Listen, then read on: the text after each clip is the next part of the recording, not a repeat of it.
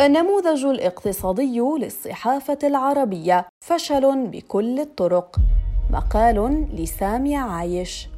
كانت المعادلة الاستثمارية للمؤسسات الإعلامية سابقا سهلة وسريعة.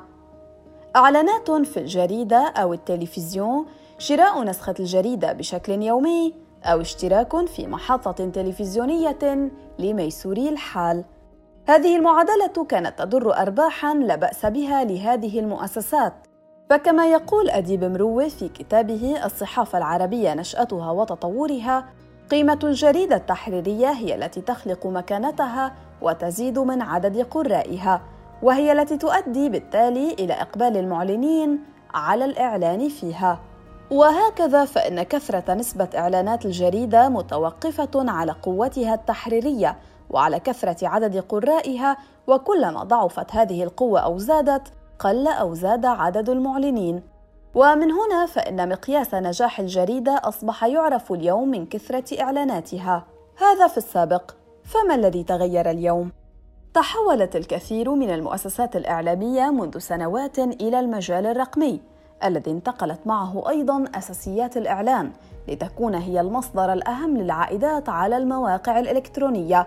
غير أن الأمر أيضا لا يبدو بهذه السهولة فالإعلانات التي نتحدث عنها هنا لا تظهر على المواقع الإخبارية فقط وإنما أيضا تدخل فيها شركات التكنولوجيا العملاقة مثل جوجل وفيسبوك ليكون لها أيضا نصيب من الكعكة. بيد أن جدلا دار خلال الفترة الماضية حول إمكانية إيجاد نماذج جديدة لإدارة عائدات المؤسسات الإخبارية بالتحديد. بعيدا عن الإعلانات بحيث لا تكون كل الأرباح ومصدرها في سلة واحدة. هذه النماذج الجديدة تتنوع ما بين الاشتراكات الشهرية أو السنوية والتبرعات والعضوية للحصول على محتوى قيم من هذه المواقع الإلكترونية. في المنطقة العربية بعض المؤسسات الإعلامية بدأت فعلا بتبني هذا التوجه.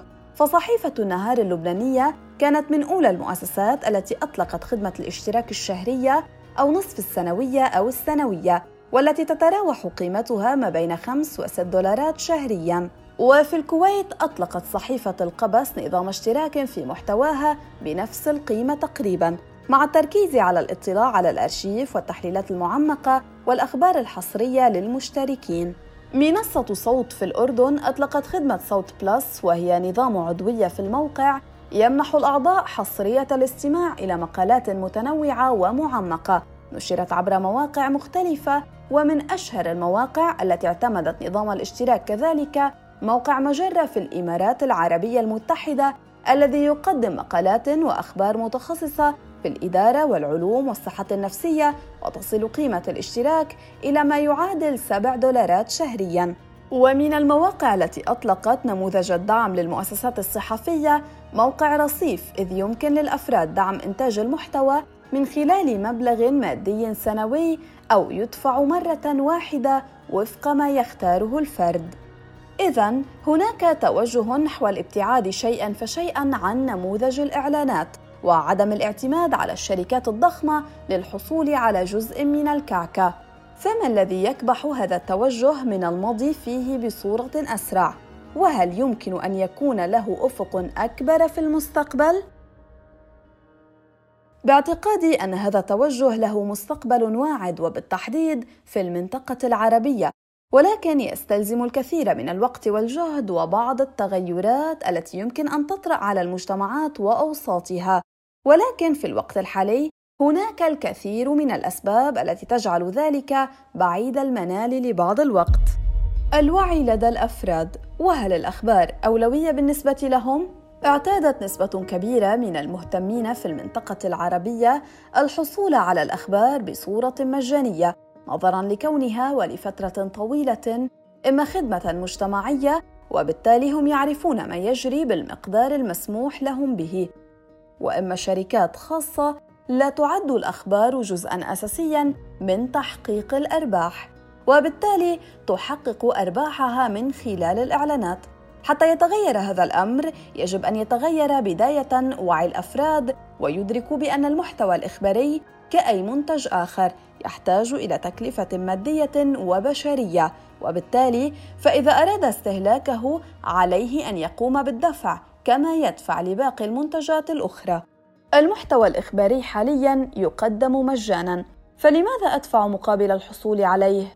هذا هو السؤال الجوهري الذي يدور في خاطر الكثيرين وهؤلاء بالتحديد يحصلون على أخبارهم من مصادر مختلفة مثل مواقع التواصل الاجتماعي أو التطبيقات الإخبارية وهي بالطبع تتوافر بشكل مجاني أعتقد انه ما لم تكن هناك هبة واحدة لوضع نظام اشتراك جماعي بين كل المؤسسات الإخبارية فإن الغالبية ستتوجه إلى المحتوى المجاني ويعود ذلك إلى أسباب اقتصادية واجتماعية موجودة في الأوساط العربية تجعل شراء الأخبار من الرفاهيات.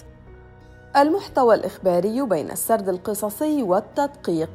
على الرغم من تطور المحتوى العربي بشكل كبير خلال السنوات الأخيرة فإن هناك الكثير مما ينقصه من ناحية التحقق من المصادر وطريقة السرد بالإضافة إلى أن الكثير من المواقع العربية بصورة عامة تتحاشى فكرة التعمق في السرد أو الطرح التحليلي لما يجري مما يفقدها التفرد والتميز فتصبح الأخبار من كل المصادر واحدة تشبه بعضها البعض.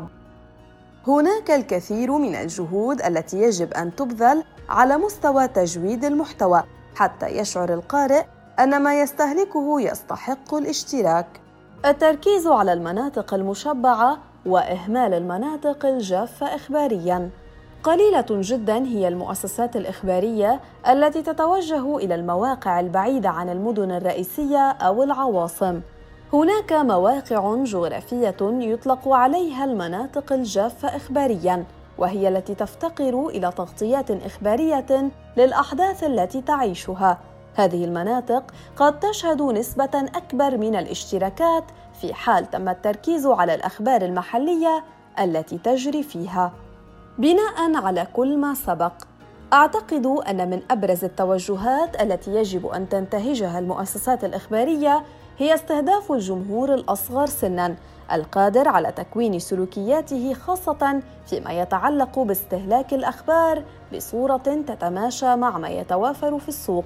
لذا ومع كل الصعوبات والأسباب الآنية التي تجعل هذه النماذج تفشل في الوقت الحالي أعتقد أن المستقبل سيكون أكثر إيجابية ويحمل افاقا واسعة ليغير في النماذج الاقتصادية لهذه المؤسسات.